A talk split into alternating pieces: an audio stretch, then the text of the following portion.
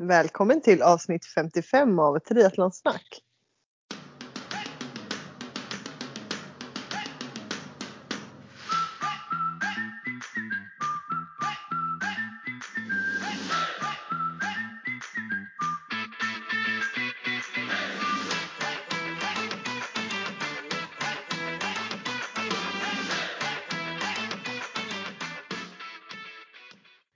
Med mig Sofia och och med mig Therese. Hur är läget Sofia? det är bara bra med mig. Hur är det själv? Jo men eh, det, det är helt okej. Jag är lite hängig och trött. Som sagt jag missade gårdagens eh, inspelning på grund av detta. Så eh, eh, ja, men jag är på väg att bli piggare och gladare igen. Går åt rätt håll. Ja, så det är Mm. anledningen till att jag är den enda som intervjuar i dagens avsnitt då. Ja men precis. Men du brinner ju för ämnet så att eh, eh, jag är helt säker på att det blir ett kanonavsnitt. Exakt, jag själv kommer nog lyssna på det flera gånger. ja. eh, men eh, vad har hänt sen sist då? Ja, den stora nyheten är ju att vi har varit i Tänndalen. Ja. Första skidsemestern. Lite tack vare dig. och hur var det då? fantastiskt. Mm. Eh, eller vi var ju där fyra dagar och vi fick väl både ris och ros. Det var ju snöstorm när vi kom. Ja. Eh, och sen var det liksom varannan dag var det strålande sol och fint och varannan dag snöstorm. Så vi fick lite både och. Vi fick Eh, uppleva men vi helt enkelt båda. Ja. Precis. Mm. Men eh, vi fick ju chansen att gå skida upp på fjället då en av de här soliga dagarna och det var ju helt fantastiskt vackert. Det är verkligen eh, det bästa som finns. Soliga dagar uppe på fjället ovanför trädgränsen. Kan det bli bättre Ja, jag liksom? blev ju, blev ju helt tagen, både jag och Mm. Niklas. Ja. Eh, Men jag var ju lite så här. Jag tyckte ändå det var roligare att gå upp. För vi gjorde så, vi gjorde, gick liksom inte hela rundan, det fanns ju någon lång runda. Ja. Eh, Men vi gick liksom dryga milen upp och sen vände vi och tillbaka. Eh, Och jag är ju inte jättehaj på nerför. Då var jag lite skakig i benen men det, det gick ganska bra. Härligt! Du, efter det här så kommer du varje vad heter det, minut eller eh, timme du får på skidorna desto bättre blir det ju. Så det är lite Ja, skidsemester du behöver. Ja. Man läser ju lite så här hur man hanterar svängar och det är väl det jag behöver lära mig mest eh, också enligt Niklas här, hur jag Mm. Parerar i svängar eller byter spår. För det Ja. är ju väldigt så här Bambi på hal is fortfarande. Och det är ju liksom kurs två skulle jag säga ändå. Att liksom Ja. göra det så att det kommer när man blir stabilare och tryggare på skidorna. Så eh, ja. Men det är bara att öva. Öva och gå ner, och åka nerför helt enkelt och våga trampa och gå ur spår och ja, ploga Men lite. nu är det lite så här, alltså nu är det typ ett år kvar tills man åker skidor igen. Ja, om du inte kommer till skidum.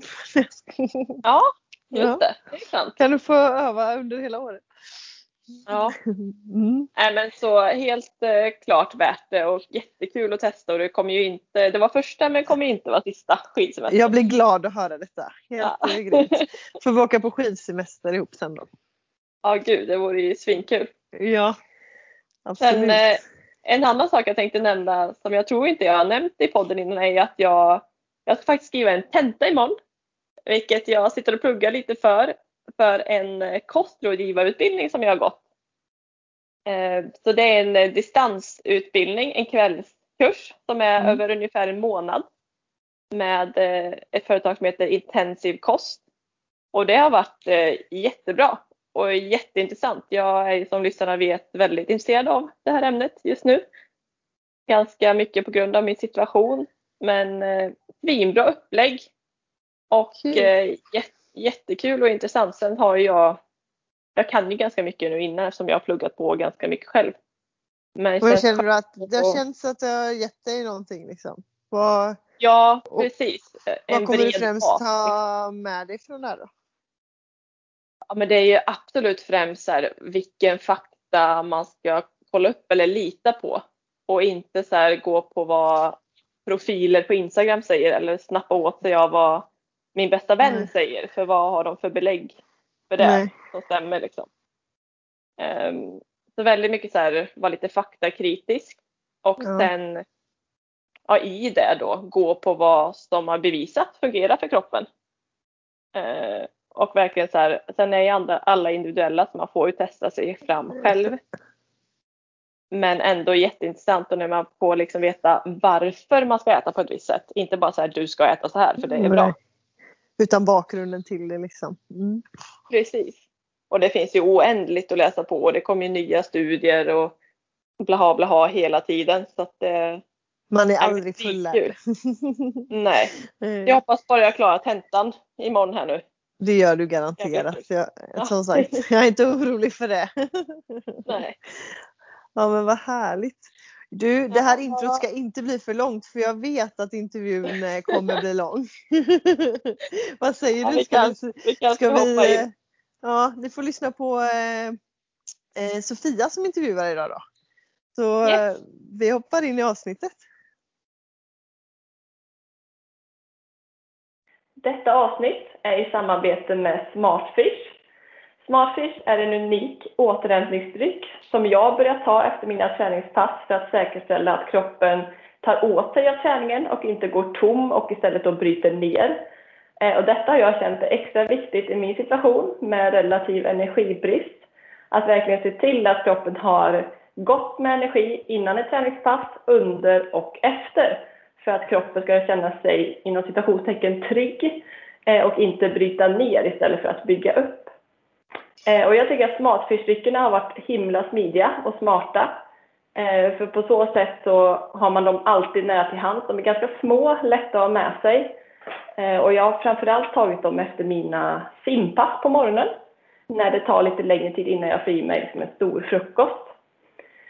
Eh, Och eh, ja, de är väldigt goda, vilket jag inte har eh, trodde innan.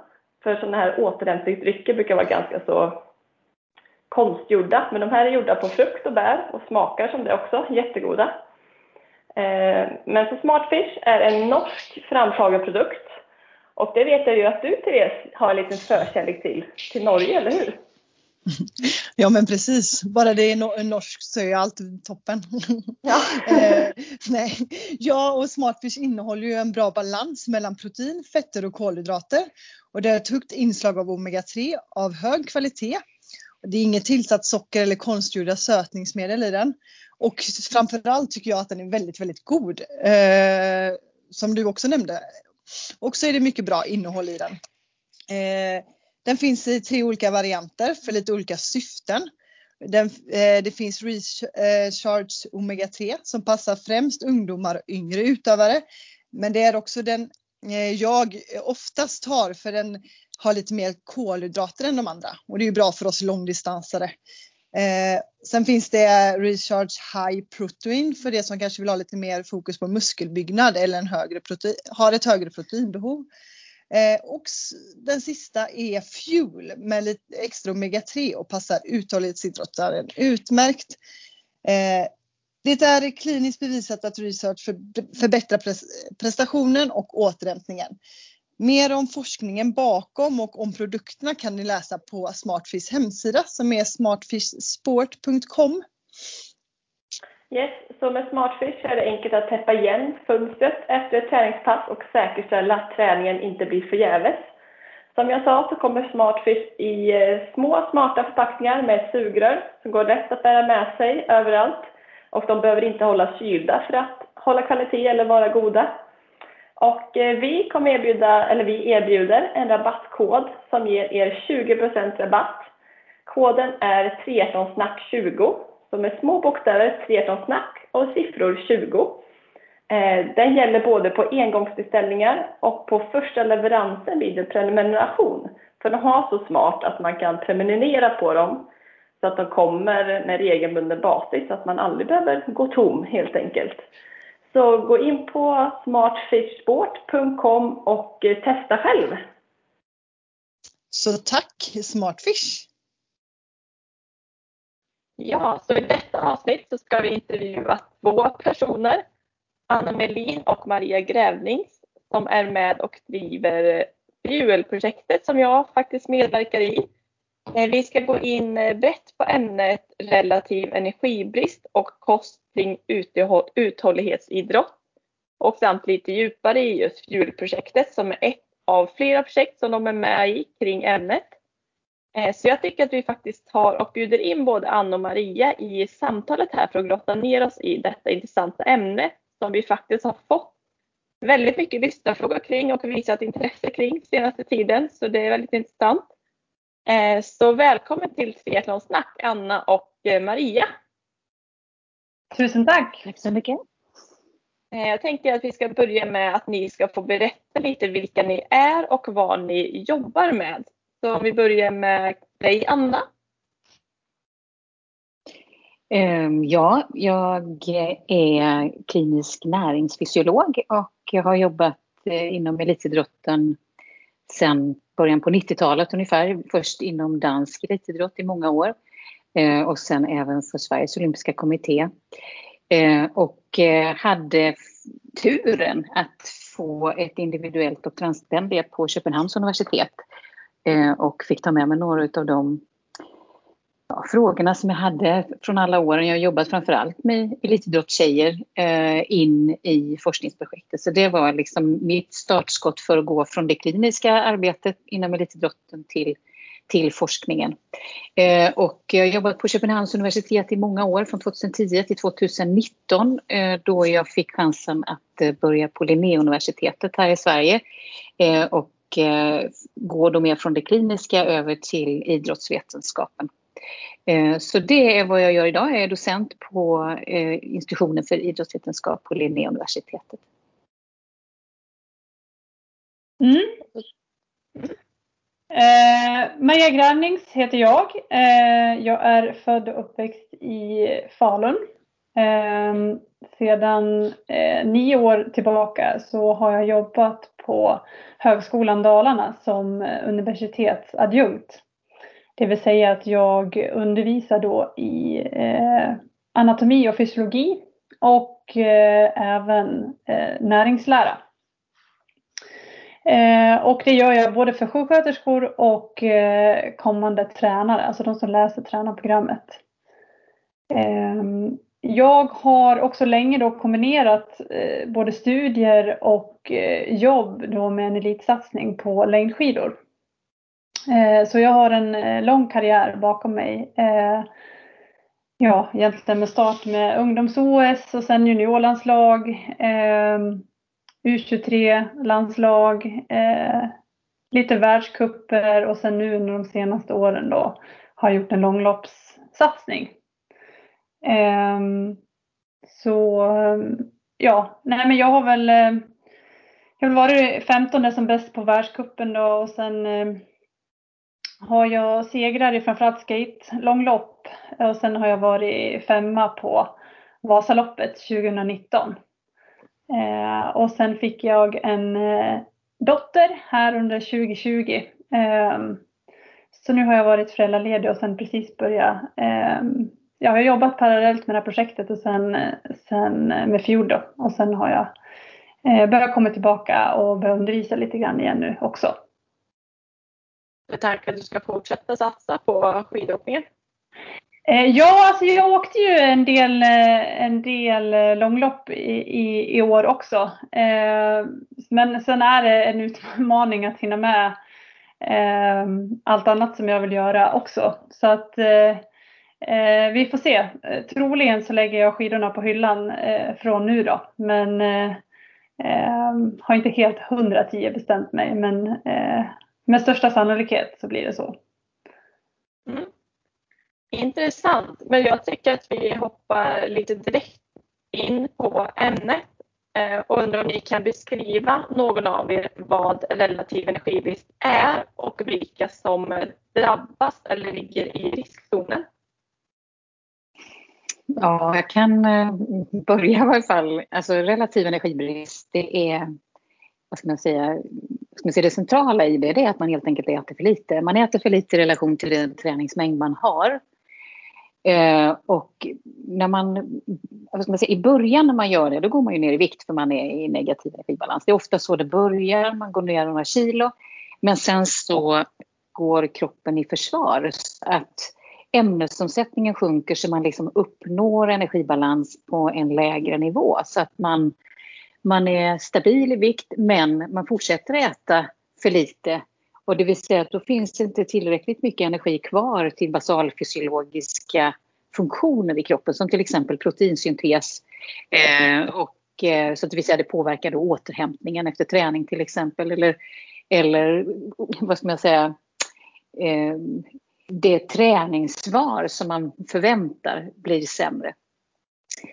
Det påverkar även, eller framförallt kan man säga, hormonsystemet i kroppen. Så att man får till exempel en reduktion i, i könshormoner, det vill säga att ett, ett av symptomen hos kvinnliga idrottare är att menstruationen då blir ut, alltså oregelbunden eller uteblir. Men de här hormonella liksom, förändringarna i kroppen de påverkar ju hela kroppen så det påverkar inte bara reproduktionsförmågan, det påverkar skelettet negativt, det påverkar muskulärt negativt, det påverkar den kognitiva funktionen, koncentrationsförmåga och så vidare, det påverkar även hjärt-kärlfunktion. Så det här påverkar liksom hela kroppen. Ehm, och om man tittar på de som, alltså det här finns inom alla idrottsgrenar ska jag säga, för ofta så kan ju, vad ska man säga, orsaken kan ju vara det att det kan vara svårt att, till, att äta tillräckligt mycket om man är i en idrottsgren som Maria till exempel som med längdskidor som, där man tränar jättestora mängder och det kostar enormt mycket energi. Mm. Och då kan det ju vara svårt att äta tillräckligt och därför så är det här vanligaste idrotter där man har väldigt stora träningsmängder som i uthållighetsidrott. Men även i idrotter där man fokuserar på kroppsvikt och kroppssammansättning. Att, att man ska vara liten och tunn eller man ska vara, liksom, ha en låg fettprocent. Det kan ju både vara då i estetiska idrottsgrenar där man blir bedömd för sitt utseende eller i idrottsgrenar där det är en fördel då att vara lätt som till exempel i uthållighetsidrotter. Det kan ju även vara idrottsgrenar där man ska väga in i en bestämd viktkategori som till exempel judo, taekwondo och så vidare.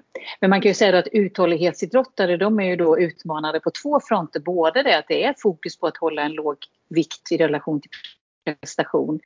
Men även då på grund av de här stora träningsvolymerna. Att det, det är liksom energiutgiften är så stor så att det kan vara svårt att äta tillräckligt. Och det gör också då att alltså, framförallt när man kommer upp på, vad ska man säga, på nivåer som Maria då, när man i perioder eller vissa, vissa delar av träningen är väldigt högintensiv och det hämmar också aptiten. Så att man har liksom det emot sig också att, att uh, hård träning uh, och ofta hämmar också aptiten som gör det ännu svårare då att täcka behovet. Så det är lite, har jag glömt något Maria eller? Nej, jag tyckte du sammanfattade väldigt, eh, väldigt bra eh, vad det är och, och, vilka som ligger i, i riskzonen. Och som sagt, det är ju inte bara eh, i, inom ett fåtal idrotter utan det här är ju brett. Så att det inkluderar eh, flera idrotter. Mm. Jag tänker på det här med vilka som är i riskzonen. Kan det spela roll om man följer någon eh, specifik eh, kosthållning eller så som många gör nu för tiden? Jo men det är klart det gör. Ofta, alltså, det, det, man, man tänker att varför går man på olika dieter? Många av de dieterna som florerar runt omkring handlar ju om att gå ner i vikt. Eh, så att, eh, att det är det som är kanske syftet med de flesta som går på en diet. Att, att det är det som är, och det är klart att då, då får man ju låg energitillgänglighet. Eh, så att det är inte konstigt. Eh, och, det, och samtidigt är det så att ju fler saker man utesluter från kosten ju svårare är det ju att täcka behovet. Eh, ju fler restriktioner man har, ju svårare är det att få äta tillräckligt och få i sig alla näringsämnen, men framförallt få i sig tillräckligt mycket energi. Och som sagt, det här är ju då just det här med att, att kombinationen av att ha väldigt stora, ett väldigt stort energibehov. Det är svårt nog, bara, även om man äter allt, så att säga. Så att, eh, så att det kräver liksom kunskap och det kräver eh, en väldigt god insikt i vad det är man behöver äta och hur ofta och vad Både för att liksom optimera relation till träning och få ut maximalt men även för att bibehålla hälsa både på kort och lång sikt. Mm. Hur kan man eh, då ta reda på om man har relativ energibrist? Behöver man liksom söka vård för det eller hur ser det ut? Um, ja, alltså man kan säga eh, om man är, om man är kvinna, alltså som, som många kvinnliga uthållighetsidrottare det, det som är menstruationen är ju ett, ett sätt att hålla koll på om kroppen är i balans förutsatt då att man inte äter p-piller för då vet man ju inte, då är det ju p-pillerna som, som styr alltså genom det här endogena tillförseln av östrogen. Men, men eh, om man inte äter p-piller så är det att ha regelbunden menstruation eh, Eh, ett bra tecken på att kroppen är i balans. Men sen är det individuella skillnader. Det finns vissa kvinnor som är jättekänsliga för låg energitillgänglighet där de här hormonella rubbningarna kommer väldigt tidigt. Och det finns andra kvinnor som är, har ett väldigt robust system som gör att ja, men, det är inte menstruationen som påverkas utan det kanske är andra saker som till exempel ett uteblivet träningssvar. Eh, så att man får nog, man får liksom det är som sagt individuella skillnader vilket gör det svårt men samtidigt gör ju att det blir väldigt spännande att jobba med.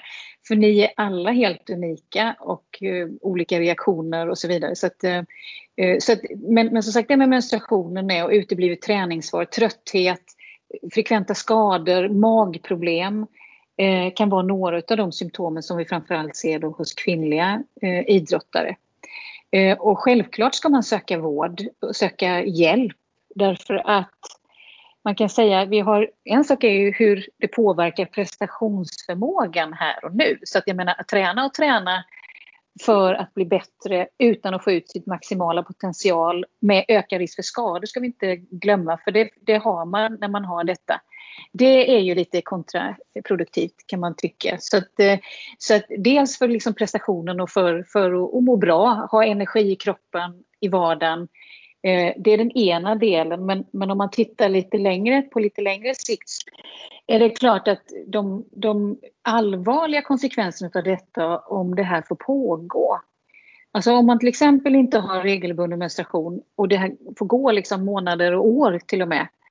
Då har det negativa konsekvenser på skelettet. Det vill säga att man har en ökad risk för stressfrakturer, man ökar risk för för tidig utveckling av benskörhet sånt som vi normalt räknar med först att vi får i menopausen som kvinnor. Men det har vi ju just inom uthållighetsidrott så ser vi det redan, alltså i de studier vi har gjort så ser vi det redan liksom när man börjar bli 26, 27, 28 år gammal med alltså för tidig benskörhet och det är ju väldigt, väldigt alarmerande. Eh, och den andra negativa konsekvensen på lång sikt det är att man just den här påverkan på alltså hjärt-kärlfunktionen alltså hjärt och vi ser alltså precis samma symptom som man ser när vi kommer i menopausen med nedsatt eh, kärlfunktion och hyperkolesterolemi, alltså för högt kolesterol, någonting som man normalt förbinder med övervikt och, och som sagt menopaus. Det får man även om man är en tunn, väldigt vältränad idrottskvinna på grund av svält. Och det är ju också någonting som vi, vi vet inte egentligen hur, hur allvarligt det är på lång sikt. Om det liksom ökar risken för att utveckla deciderad hjärt-kärlsjukdom på lång sikt. Men, men riskfaktorerna är där. Så därför är det ju jätteviktigt att man, att man inte bara låter det gå utan att man faktiskt får hjälp. Ja, du nämnde ju att eh, p-piller döljer att man inte har någon regelbunden menstruation. Hur ska man då kunna det är många som går på p-piller idag. Hur kan de ta reda på om de har relativ energibrist? Finns det några av de här symptomen som de kan tolka? Ja, men det, det är precis som att då får man ju titta på annat. Eh, alltså som till exempel det omkring träningssvar, omkring skador, överbelastningsskador pratar vi om, eh, magproblematik, trötthet, alltså den typen av eh, symptom istället. Då. Visst eh, grundar det ofta i att man får väldigt låg, eh, låga östrogennivåer? Ja, det är ju en av de vad ska man säga, påverkningarna på hormonerna, att könshormonerna går ner. Eh, vilket ju då orsakar, alltså, det är ju det är en kaskad av könshormoner så östrogen är ju liksom sista, eh, sista ledet i det. Men, men Eh, ehm, Eh, det är ju en av konsekvenserna som sagt att östrogennivån eh, sjunker. Så att, eh, men, men just när du tar p-piller så får du, PP, då får du östrogen och progesteron därifrån. Så, att säga. så att du, då, då tar man ju bort liksom kroppens egen produktion. Så om man skulle tänka att man skulle ta blodprover eller någonting sånt där så är det andra blodprover då man tittar mer på. Då tittar man just på till exempel kolesterol, man tittar på glukos, alltså sockernivåer i kroppen, alltså blodglukosen. Eh, och man tittar på tyredeahormoner, alltså ämnesomsättningshormonerna eh, och stresshormon, alltså kortisol. Och när man tittar på på. Så det kanske är lite viktigt, Maria, vi ska slå ett slag för kolhydraterna här. För att, ja, för att det är, något, det är typiskt, typiskt en sån här grej som, som, som är väldigt mycket uppe nu, att man ska liksom hålla igen på kolhydrater och så vidare. Men, men det är faktiskt en av de största riskfaktorerna med just relativ energibrist. För grejen är den att, att man, de kliniska studier som är gjorda tyder på att det är låg glukostillgänglighet till hjärnan som faktiskt är det som triggar igång den här hämningen utav eller påverkan på alla de här hormonerna. För att vi vet att hjärnan och nervsystemet och röda blodkroppar, det är den primära energikällan till det, det är just glukos. Så när det inte finns tillräckligt med glukos, antingen för att man har tagit bort det för att man äter någon diet eller för att man äter väldigt lite så att det finns för lite kolhydrat i kroppen, då går kroppen i försvar. Och bland annat en av de vad ska man säga, alltså konsekvensen av det då, det är just att alla de här hormonerna hämmas, inklusive könshormonerna. Och det gäller både män och kvinnor. Så vi, pratar, vi pratar nedsatt testosteronproduktion hos män och vi pratar nedsatt östrogenproduktion hos kvinnor. Så det är ju en av de sakerna vi jobbar väldigt mycket med i FIOL-projektet. Det är ju att få de här uthållighetsidrottande kvinnorna som har symptom på det här att våga äta kolhydrat igen. För det här har varit så mycket fokus på det, eller hur Maria?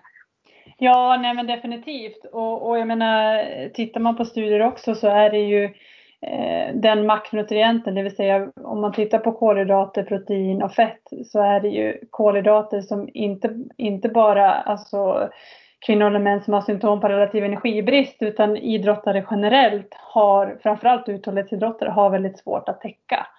Ehm, så där, det är liksom en, en jättenyckel att kunna få till att täcka kolhydratbehovet både ur dagssynpunkt men också eh, alltså totalt sett under dagen och dygnet men också att man har, kan tajma att man verkligen får till ett intag i relation till eh, sin träning.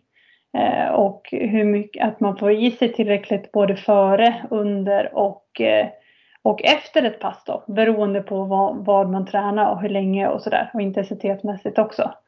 Ehm, så här är det en, en stor utmaning eh, att, att få i sig tillräckligt och då eh, fokusera på kolhydratrika eh, livsmedel. Eh, som verkligen är energitäta. För har man ett väldigt stort behov som Anna var inne på också, då är det en utmaning i sig att kunna täcka behovet och det gör man inte med med fib mycket fiberrika produkter, med, med mycket frukt och grönsaker, med fullkornsbröd och fullkorns hit och dit, utan då är det, det är liksom, det är vit pasta, det är vitt bröd, det är eh, torkad frukt eh, och så vidare för, för att, eh, för att kunna täcka det här eh, behovet. Då. Eh, så just att få, få bort den rädslan för eh, kolhydratrika livsmedel, det är definitivt eh, en av nycklarna. Då. Ja, jag tror att det är viktigt att påpeka att det inte bara är hela totalmängden eh, kalorier som man äter utan även fördelningen. För jag är ju själv deltagare i projektet och jag har ju fått jättemycket hjälp av att vara med i projektet för jag har ju vänt hur jag äter helt och hållet för jag åt väldigt lite kolhydrater innan. Men jag täckte ju mitt energibehov eh, till att nu äta majoriteten kolhydrater. Eh, så jag tror att det är väldigt viktigt att påpeka att det inte bara behöver vara låg energitillgänglighet totalt sätt utan vikten av även kolhydrater. Ja, absolut. Hur känns, hur känns det nu då att ha skiftat då? Eh, jo men det, det, var ganska jobbigt första veckorna så här, för att jag är van, ja men lite LCHF-tänk har jag gått på fast inte att jag har lablat mig som det. Men det är ändå de, det som har påverkat mig från omgivningen så det är lite så jag har ätit. Eh, men sen när jag väl började introducera kolhydrater och det blev en vana, så nu är ju det en vana igen. Så det känns ganska skönt och det är framförallt skönt att inte vara rädd för kolhydrater. För det kan jag erkänna att nu- jag blev. Men hur känns det i kroppen då? Hur känns det till träning och så? Är det någon Eh. skillnad eller är det samma eller hur? Nu har jag också dragit ner väldigt mycket på min träning och jag tränar inget högintensivt just nu heller. Eh, just för att reducera stress och så för kroppen. Men jag har ju absolut mer jämn, jämn energi över dagen eh, än vad jag hade förut. Så nu är jag liksom pigg hela tiden känner jag. Så det är väl den största förändringen och två att jag inte har mina magproblem som jag hade innan. Eh, så det är väl de största förändringarna hittills som jag har märkt. För det, det som också är Sofia, det är ju att vissa just som har ätit så väldigt lågt kolhydratintag kan faktiskt få magproblem när de introducerar det i början. Därför att man har vant tarmarna vid att man behöver inte producera de här enzymerna som ska till för att bryta ner kolhydraterna. Så jag tänker om det är några som lyssnar på den här podden och tänker att det här ska jag prova eh, och som plötsligt får magproblem som man inte haft innan så är det viktigt att, att säga att, att men, det, man ska inte förtvivla därför att det, det, det tar lite tid innan, tar, alltså innan kroppen vaknar till. Innan de här tarmcellerna börjar och producera de här enzymerna på rätt nivå igen. För det behöver, alltså där är ju kroppen otroligt smart att den kan nedreglera när det inte behövs. Liksom. Så, att, eh, så att man håller vid, för det brukar ta kanske en eller två veckor innan, innan tarmen vänjer sig så att säga vid ett nytt intag. Men det var ju otroligt positivt att höra att för dig var det tvärtom, att du hade magproblem och sen att det försvann när du började äta kolhydrat. För så är det ju också. Att kolhydraterna är ju det som fyller ut i tarmen. Fett och protein fyller ju inte ut ett dugg när vi pratar liksom tarmfunktion och det här med, med transittiden i tarmen, alltså hur lång tid maten ligger i magen till exempel. Där behöver vi ju verkligen kolhydrater för att fylla ut så att vi får en bra tarmfunktion. Så att kolhydraterna är ju otroligt viktiga på många olika sätt. Alltså en sak är som Maria säger då för att överhuvudtaget kunna träna högintensivt, alltså rent muskulärt. Och så som vi pratade om innan, för att ha normal eh, hormonproduktion. Men det är sannerligen inte minst viktigt för att ha en normal tarmfunktion också. Sen så ökade jag väldigt successivt mitt kolhydratsintag. Eh, Så det var inte pang bom från en dag till en andra att jag åt jättemycket kolhydrater. Så det tror jag var ganska bra också för kroppen att vänja sig. Precis, jättebra. Men jag, jag ser fram emot sen när jag väl börjar träna lite mer intensivt att se hur det känns på intervaller när jag verkligen ska ta i. Om det är någon skillnad från innan. Mm. Ja, absolut. Jag tänker alltså rent fysiologiskt så sk- ska man kunna hålla eh, en hög eh, intensitet, då är det kolhydrater eh, man behöver som, som bränsle. Du kommer ju ha eh, fett också givetvis då. Eh, men men eh, för att eh, kunna omsätta eh, till ATP som är kroppens energikälla, då på höga intensiteter, då är det eh, kolhydrater som, eh, som gäller liksom för att det ska kunna fungera så bra som möjligt då. Och med höga intensiteter då gäller det även på liksom en Ironman som är 8 till 12-13 timmar. Jag Absolut. tror det är mycket som många som missförstår. Att eh, högintensivt då ska det vara någon slags sprint eller någon kort distans. Ja, nej visst. Och, och då eh, absolut. Eh, och där kommer vi ju till en utmaning att, att i kroppen, så kroppen har, kan ju enbart lagra en viss mängd eh, kolhydrater i kroppen. Vi det vill säga vi har ungefär, det beror på muskelmassa, men runt 300 gram, 400 gram i muskulaturen och eh, sen har vi ungefär 100 gram i levern. Det vill säga där våra lager är eh, begränsade. Så att det gör ju att, att eh, speciellt under ett, ett, en, eh, en Ironman så kommer det här ta slut, vilket betyder att vi behöver fylla på exogent. Vi behöver inta kolhydrater under eh, loppet och börja med det tidigt eh, innan man känner sig hungrig eller innan man känner sig törstig. Att börja med det strategiskt eh, tidigt då eh, för att kunna spara på muskelglykogenet så, så länge det, det går. Eh, och kunna upprätthålla fokus och koncentration och kunna prestera så bra som möjligt då eh, loppet igenom. Eh, och tittar vi på ett så, sådant långt lopp då är det ju upp till, eh, upp till 75-90 gram per timme eh, kolhydrater då som, som eh, kroppen kan, kan ta hand om. Och det här gäller ju, ska man upp i de mängderna eh, per timme så är det bra att ha tränat på det innan så att man inte då tränar utan Eh, kolhydrater varje pass och så tänkte man men nu, nu ska jag tävla, nu ska jag eh, se till att få kolhydrater och så blir det liksom chock för, eh, för mag, eh, magsystemet. Eh, att man verkligen har tränat på det innan då så att man, man känner sig eh, bekväm med det och har en god eh, strategi. Eh, och det kommer betyda att tittar man på vanlig sportdryck så måste man ju försöka titta då men hur, hur behöver jag blanda kanske lite starkare eller kombinera med, med gel och så vidare för att få i mig då den, den mängden ungefär per, per timme utan att för den sakens skull bli dehydrerad också då. Så där måste man ha lite koll på vilket klimat man tävlar i och lite så också. Eh, men här har man mycket att vinna om man har, har kunskap eh, kring detta. Och, ja, värt att sätta sig in i det lite och testa framförallt då. Ja, absolut.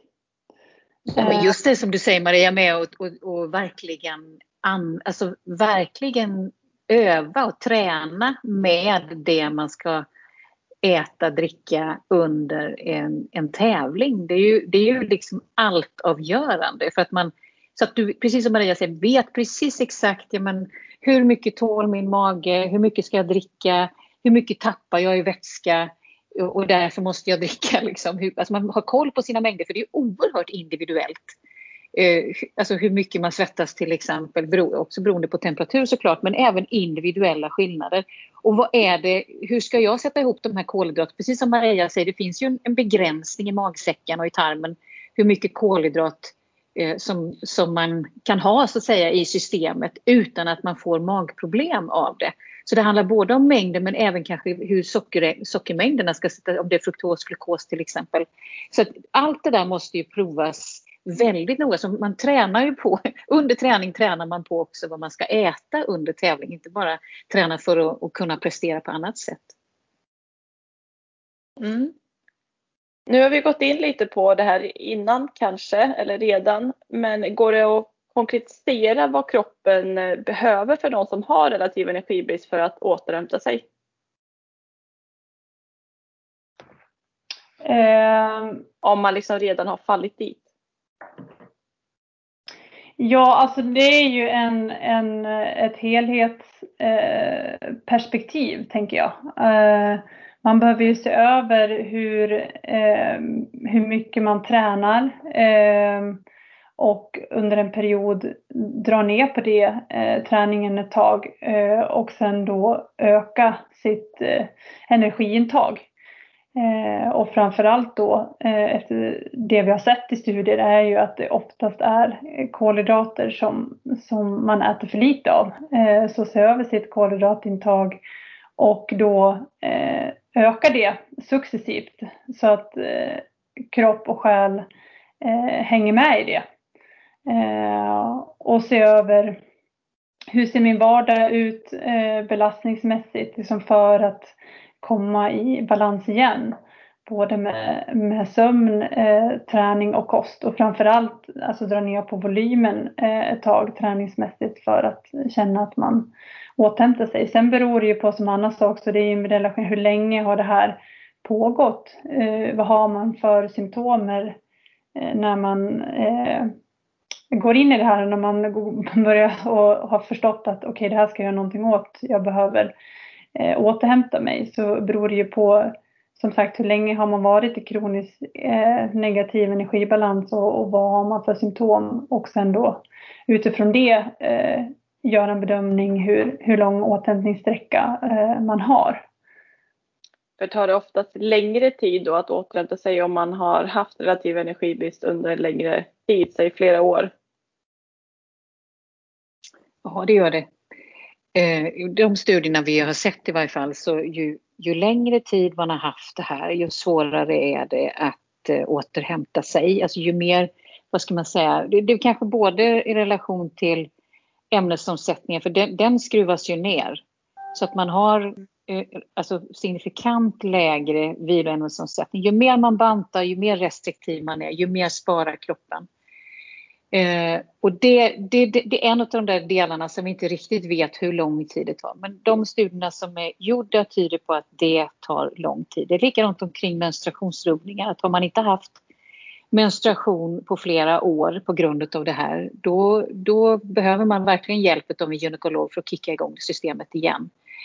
Eh, och huruvida det går ut över fertiliteten, så det, det vet vi inte riktigt heller. Det, det finns några få indikationer men de flesta av de studierna är gjorda på, på anorexia nervosa-patienter, alltså, alltså personer som har verkligen varit i svälttillstånd. Men de här kvinnorna, eller uthållighetsidrottande kvinnorna som, som vi har undersökt, de har liknande problematik även om de är, de allra, allra flesta är normalviktiga. Eh, så att eh, man behöver alltså absolut inte vara underviktig för att få de här negativa konsekvenserna, vare sig på på äggstockar eller på hormonsystem eller på skelettet. Så det är verkligen att appellera till att man söker hjälp tidigt istället för att gå och vänta. Om jag drar parallell till mig själv då. Jag eh, var underviktig när jag var 15-16. Eh, höll på elitsatsade i tennis. Och då började jag på p-piller med råd från gynekolog för att få ordning på min mens och har i stort sett ätit det sedan dess och nu är jag snart 30. Eh, men jag gick upp i vikt ganska snabbt och har inte varit underviktig sedan dess. Men troligtvis så har jag ju haft relativ energibrist eller närliggandes under hela den här perioden. Hur lång tid, hur lång tid är längre tid? Går det att säga eller är det väldigt individuellt? Ja, och sen, sen är det ju så Sofia att, att Eh, nu har du ju fått de här p-pillerna så du har ju ändå haft påver- alltså du har ju haft östrogen som du har fått via de här p-pillerna i alla år. Så det är, en helt, det är ett helt annat scenario än om man inte har haft något östrogen alls. Så, så, och de studierna är inte gjorda så jag kan inte svara på hur det, hur det är liksom på det sättet. Men, men det är klart att, att, eh, och sen är det också, för det handlar också om idrottsgren och det handlar om biomekanisk påverkan. För tänker jag på skelettet. Alltså jag tror att du har en mega fördel att du var inom tennis i de unga åren. För det är väldigt, väldigt bra träning för, för skelettet. Lika väl som handboll och fotboll och gymnastik också. På det. Alltså just det här med att det hela tiden är tvära kast och man hoppar och man, man har mycket muskler förhållandevis och så vidare. Det är väldigt, väldigt vad man kallar osteogen träning. Men däremot uthållighetsträning är ju inte det. Är det eh, sämre så, nu så när jag börjat med triathlon?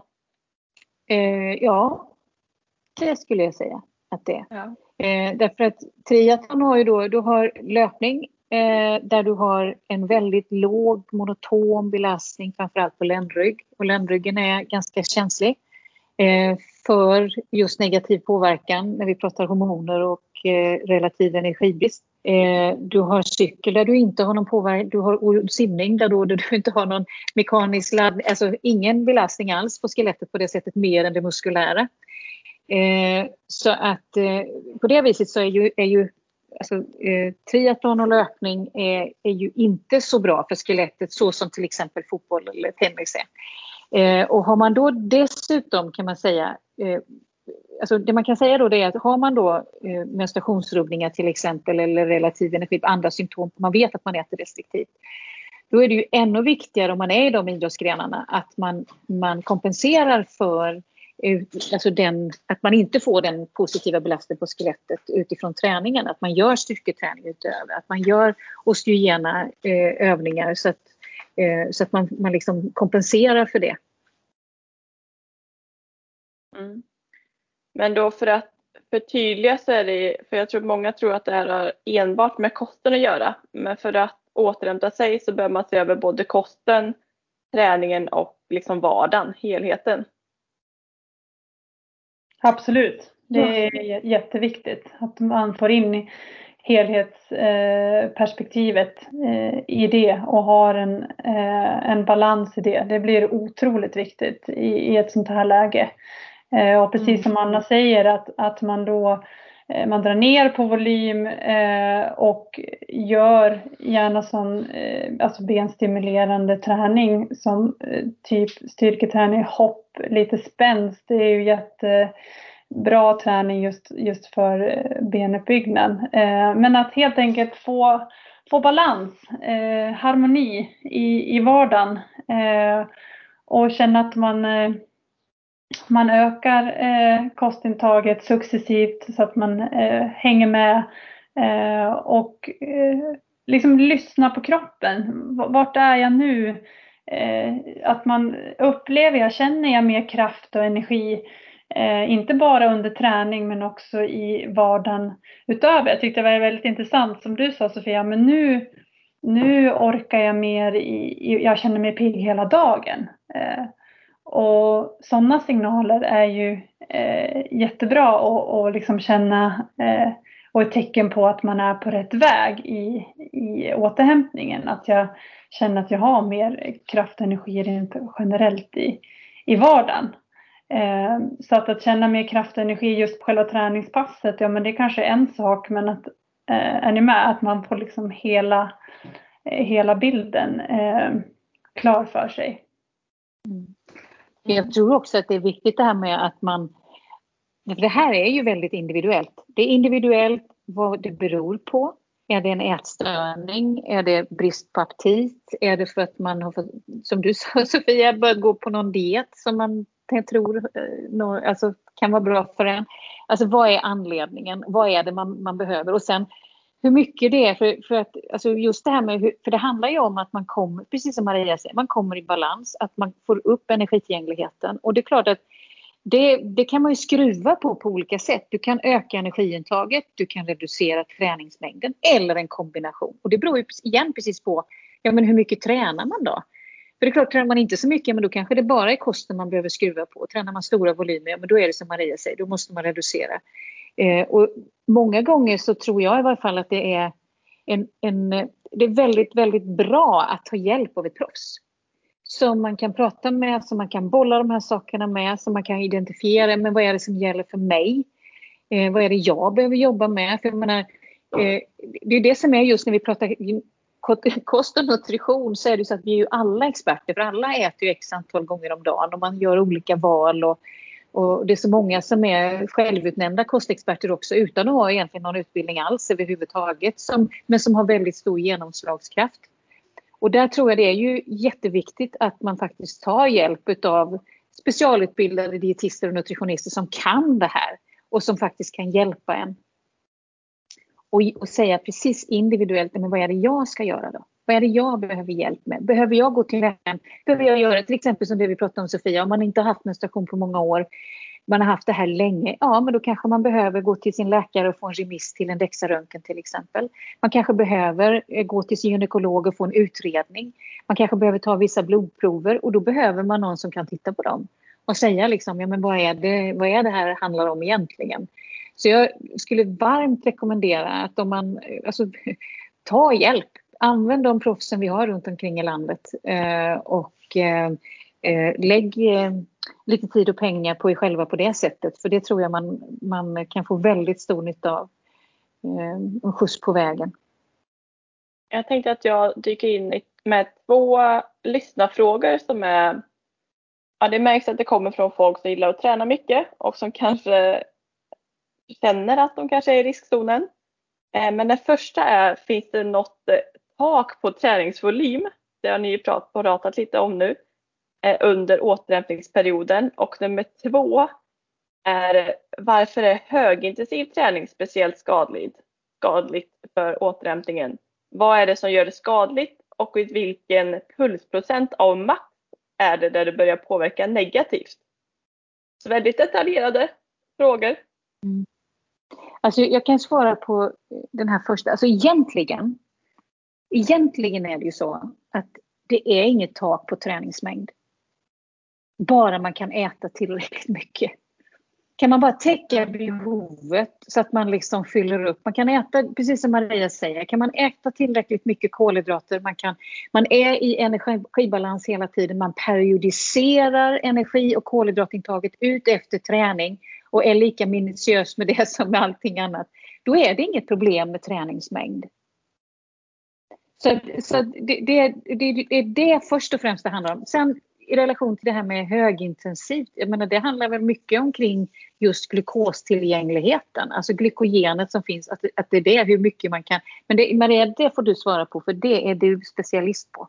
Ja, ja nej men jag tänker också att, eh, att eh, som Anna sa, att själva poängen är ju att, att Eh, anledningen till att, att man drar ner på träningen det är ju för att man ska matcha energiintag Eh, med energibehov om, om man är en person som har svårt att, att täcka eh, då energibehovet utifrån energiintaget så är det ju ett lätt sätt. Eh, och om man kanske känner att det är svårt att på en gång bara pang äta liksom massa mer när man inte är van. Så att på det viset handlar det om att då ja, men reducera eh, träningen träningsmängden eh, under, under en tid så att man kan få ihop den där missmatchen med varandra.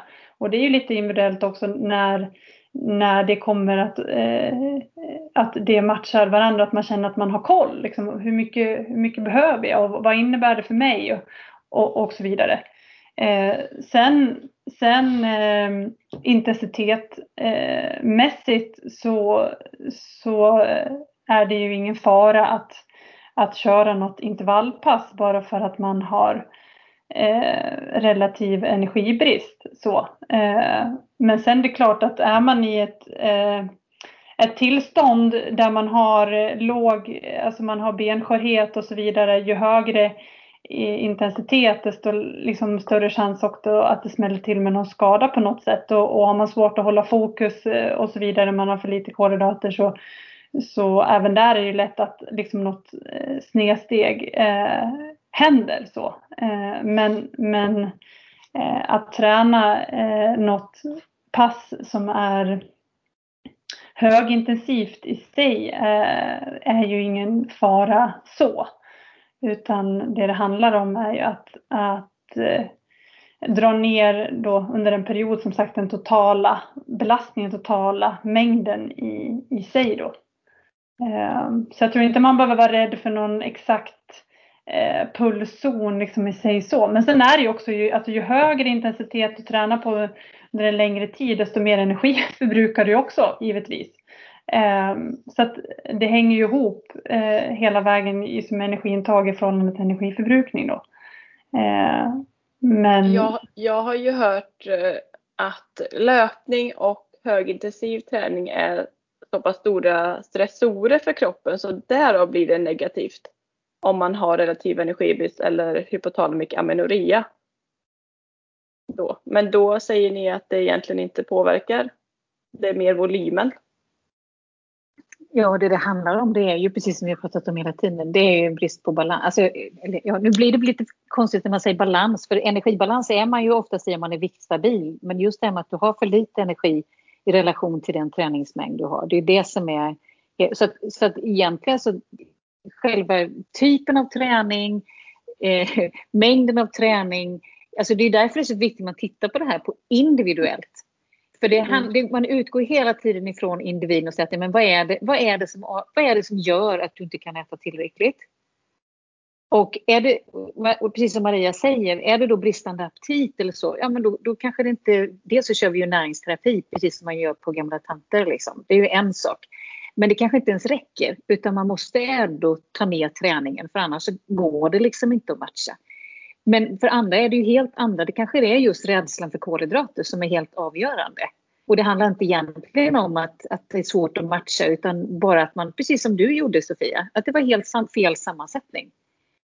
Eh, så det, det, är därför det är så viktigt att man tittar på det individuellt och inte tror att det här finns, det finns inget quick fix och det finns inte någon sån här generell, så att men så här det, det passar alla. Utan eh, som sagt, ta hjälp och så få individuella råd. Man går igenom, man screenar hela, hela, hela personen och hela vardagen och, och identifierar de, de delarna som man behöver jobba med.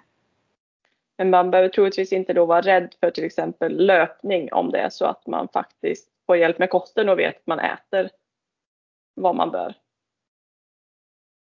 Precis, och en, en sak som vi kanske inte har pratat, eller som vi inte har pratat om, det är ju att man har en annan faktor i det här som heter tvångsmässig träning. Eh, som eh, eh, alltså överdriven träning, tvångsmässig träning som Alltså det är lite olika historier, men det är framförallt vanligt inom uthållighetsidrott att man använder träning för att reglera känslor till exempel. Så det är en annan del som man också är tvungen att ha med i detta när man går in och tittar, men vad är det som gör att jag kommer in i det här? Vad är det som gör att jag har relativ energibrist? Är det kosten? Att jag går på någon diet eller att jag har bristande aptit? Eller är det helt enkelt därför att min träning gör jag inte bara för att det är kul och för att jag ska bli bra? Eller och för att det är bra för kroppen utan det är också för att jag kan inte låta bli. Och jag måste öka träningsmängden hela tiden för att få den stimuleringen. Jag kan inte låta bli att träna även om jag är skadad. Alltså sådana saker. För den delen har vi också. Det pratar man inte alls så mycket om. Men där är vi. Vi har en, en, en kategori utav uthållighet, framförallt inom uthållighetsidrott, som, som har den problematiken som kan vara helt förödande både för hälsa och för, eh, ja, för personens välmående överhuvudtaget. Och hur ska man bete sig då, då om man är om man är övertränare? Ja, nej, men då, då, är det, då är det att få hjälp med den delen. Och då kan man ju verkligen behöva psykologhjälp. Eh, att, för, för när det blir... Alltså, nu pratar, här igen, vi pratar ingen, vi pratar inte träningsmängd här. Vi har ju tre atleter på elitnivå som tränar alltså 25-35 timmar i veckan. Det handlar inte, inte volymen i sig själv som är problematisk här heller, utan det handlar om varför du tränar. Och mer och vad du använder. Och just det här med att man, Ja, att du, du har, det, den är tvångsmässig helt enkelt. Att mm. stora delar av träningen är tvångsmässig. Och tvångsmässig, ja, det, det kan ju vara tvång för man säger att ja, men jag måste träna för så, jag måste göra som min tränare säger. Det är ju inte det vi pratar om utan vi pratar om att, att man, som jag säger, att man reglerar känslor, ångest eller vad det nu kan vara, oro med att träna. Eh, att man får en eh, vad ska man säga, euforisk känsla när man tränar och för att få den så måste du hela tiden öka mängden. Och den tror jag alla som tränar uthålligt bara känner igen för att det, det är ju en, en oerhört behaglig känsla. Eh, det är det ju inget snack om men, men, problemet kommer ju när det får konsekvenser. När det får konsekvenser till exempel för ekonomin att du, du drar ner din arbetsmängd därför att du ska kunna träna tillräckligt mycket även om du inte är på elitnivå. Eh, eller att du väljer att träna istället för att vara social med din familj. Så du får liksom, vad ska man säga, konflikter med din omgivning på grund av att träningen alltid kommer före. Eh, Sådana saker. Plus att du kanske då som sagt tränar så att du går sönder och du kan inte ens låta bli att träna då. Och då behöver man psykologhjälp utan tvekan. Mm, jätteintressant och jag tror en bra punkt att ta med. För som sagt så tror jag att många kan känna igen sig i det. Eh, om, eh, hur, en fråga då som vi inte riktigt har touchat vid den, men hur märker man att man är på rätt väg i tillfrisknandet, både som kvinna och man? Går det att mäta på något sätt? Det känns som det är väldigt svårt att ta på. Eh, alltså det är klart, det beror ju på då om man, om man, om man har tillgång till eh, den medicinska apparaten. Så att man, för då kan man ju mäta det på blodprover. Man kan mäta viloämnesomsättning. Eh, man kan mäta skelettet och se att det blir bättre. Man kan mäta könshormoner och så vidare. Eh, men precis som Maria säger så tror jag ju väldigt mycket på att det här med att känna efter.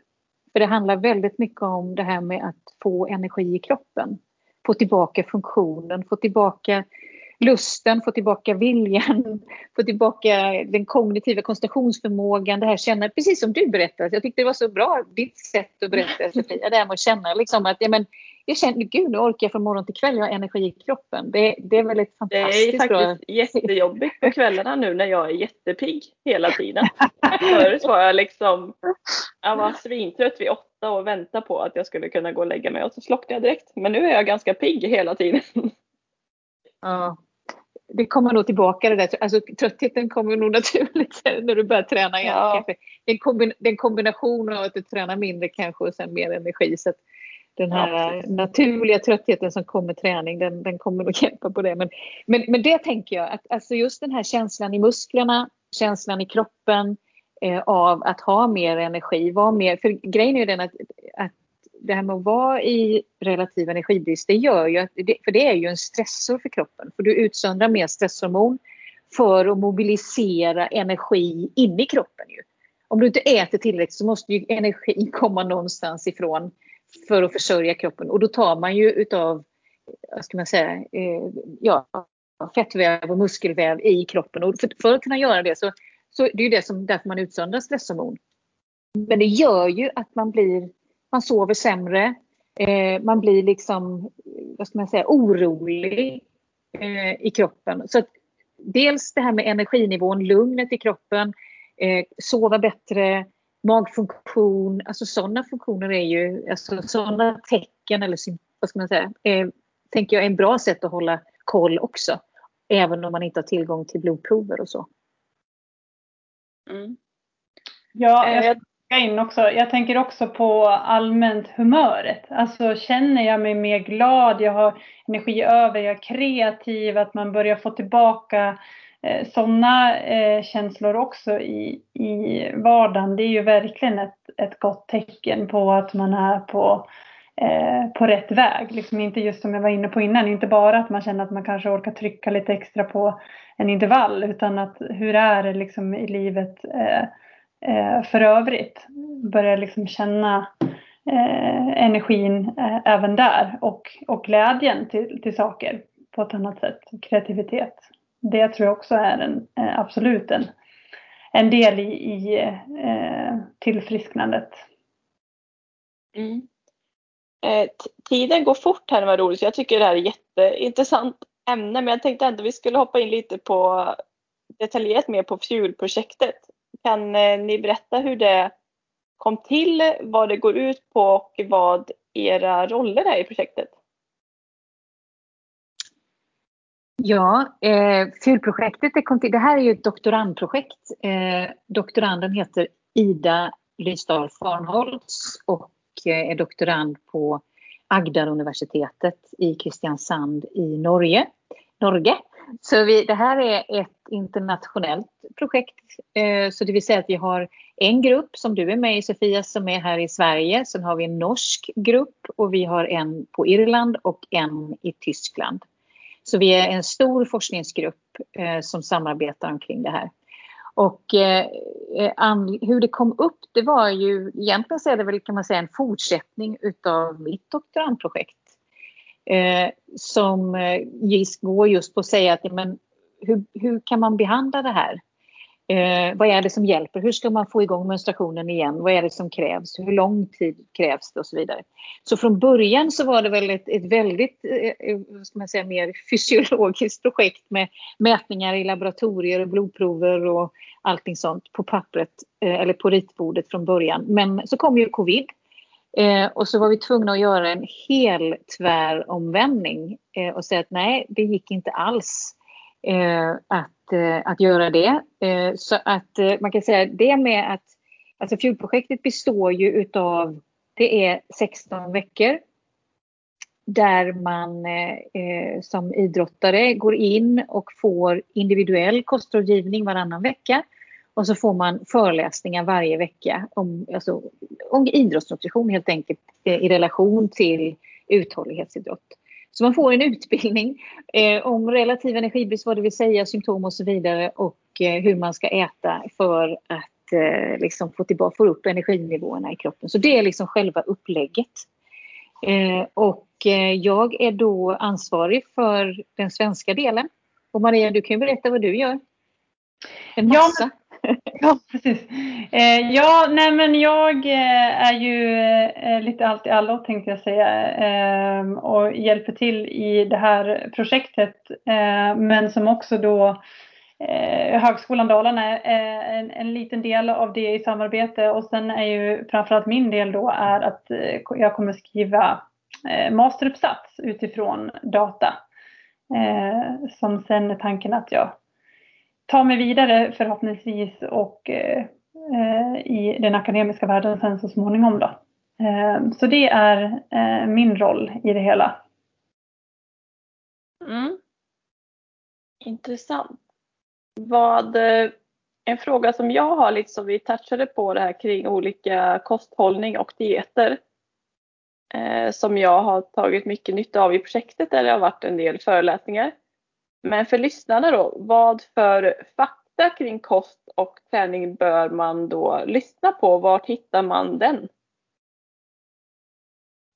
Ja, framförallt så är det ju jätteviktigt att man, man tar till sig av evidensbaserade kostråd. Att eh, man lyssnar till... Hur gör man till... det? Eller vart hittar man det? Ja, ja alltså det är klart att det, det, visst finns det på Livsmedelsstyrelsen, men det handlar ju inte om elitidrott utan det är vanliga kostråd till människor som, som inte tränar. Eh, och eh, jag, jag, har lite svårt, alltså det, fin, det, finns ju till exempel på Riksidrottsförbundet, där ligger på deras hemsida så finns det eh, kostråd som är evidensbaserade.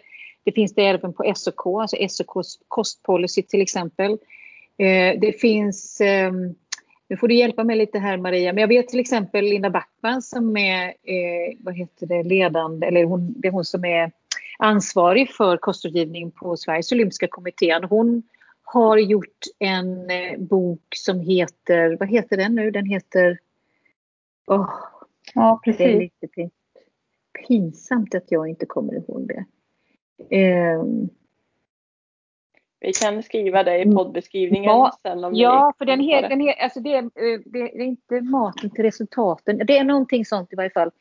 En jättebra bok som även dels kommer med väldigt praktiska tips om hur man ser liksom, bra mellanmål, bra uppladdningsmål, återhämtning och så vidare.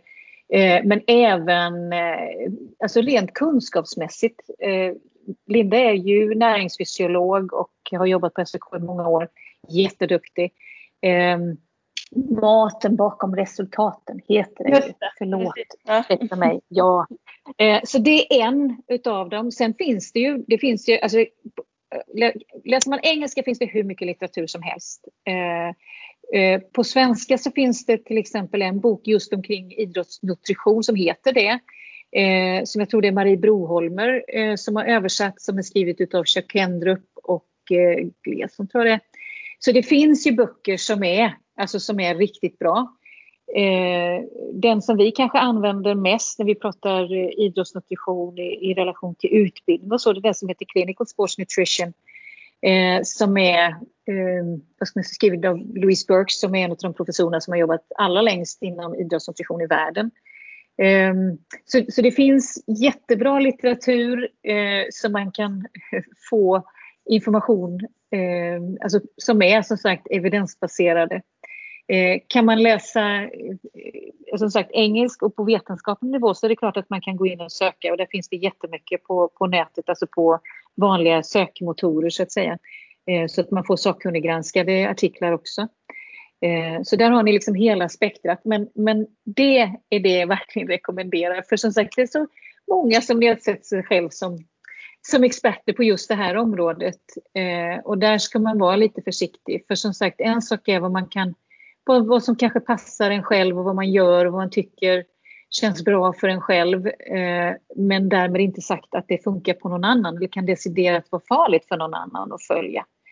Eh, och vi kanske också, man ändå håller, liksom slå ett slag också för att det är viktigt att, vikt, verkligen, verkligen viktigt att förstå att det här är extra känsligt för unga idrottare.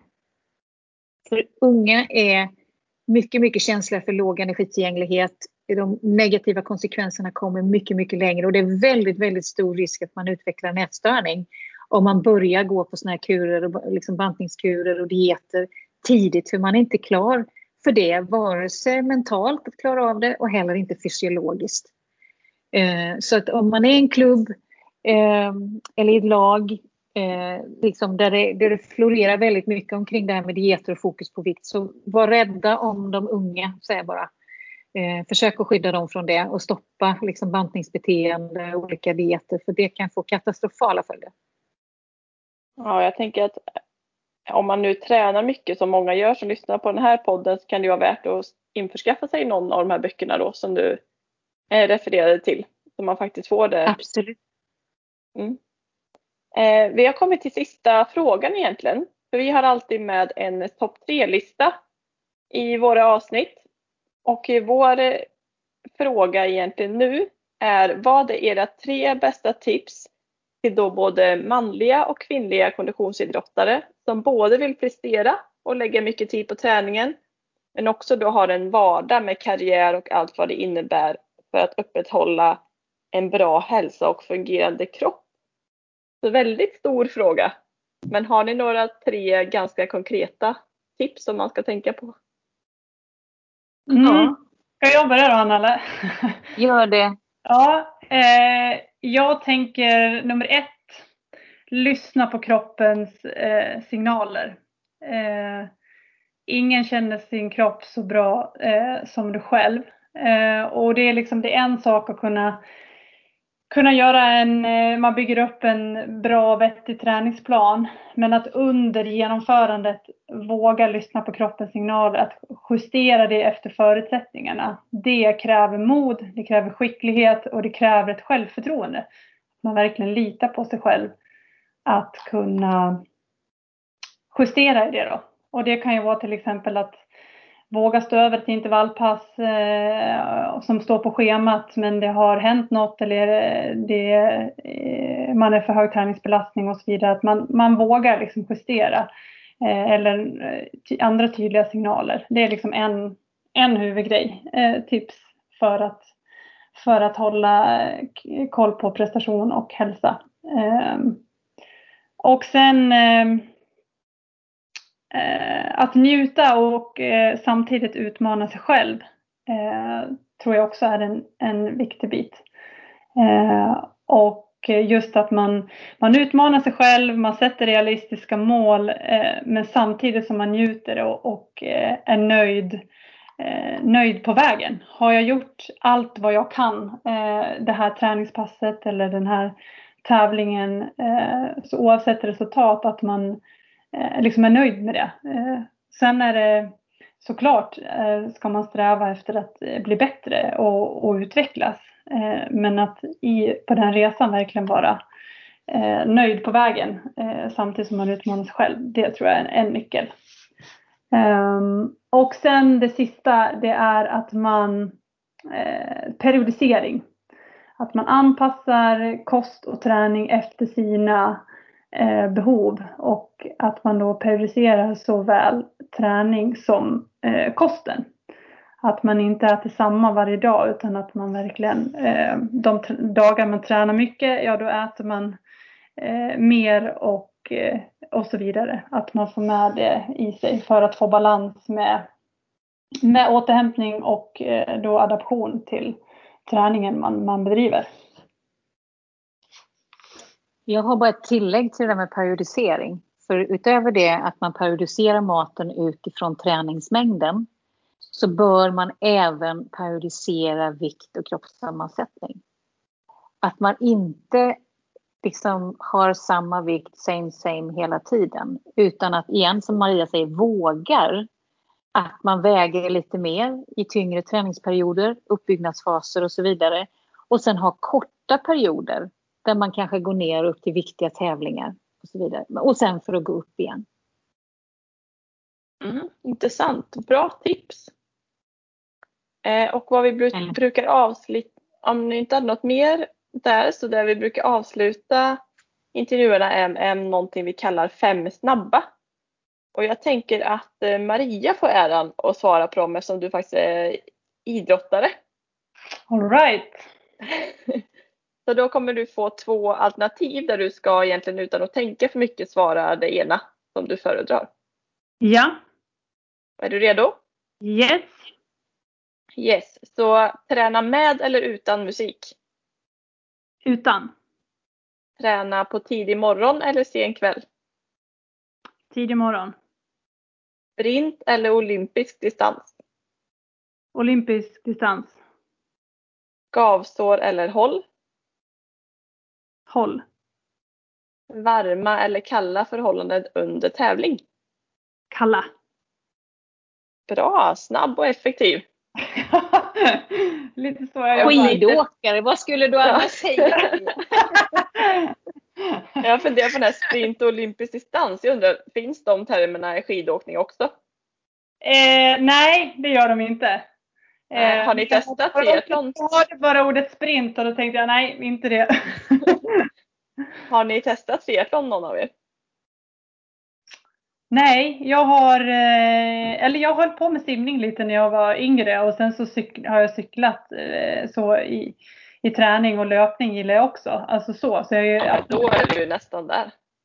alla träningsformer men jag har inte liksom kört en triathlon-tävling att just eh, eh, momenten liksom byta snabbt och så. Däremot har jag kört något crosspass någon gång när jag har övergått eh, alltså om man byter då eh, löpningscykel eller vice versa. Men gisses, det är oh, en utmaning då inte att det kräver, ja precis, stumbena liksom. Att det är verkligen något som kräver, kräver träning eh, och jag är otroligt imponerad måste jag säga hur den eh, övergången går till. Eh, cykel till löpning och kan löpa så pass bra efter det cyklat. Det är imponerande.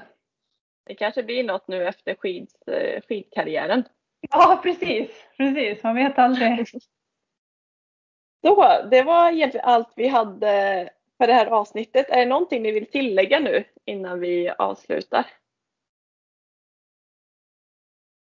Nej, jag tycker vi har kommit runt omkring ganska bra. Ja, superintressant som sagt. Ganska självklart kanske eftersom jag är mitt i det här själv också. Eh, men stort tack för att ni ställde upp och var med. Eh, och nu, jag ska egentligen bara dra vem vi har som gäst i nästa avsnitt innan vi säger hej. Eller hej då. Eh, så nästa avsnitt ska vi intervjua Anna Jonasson som är influencer.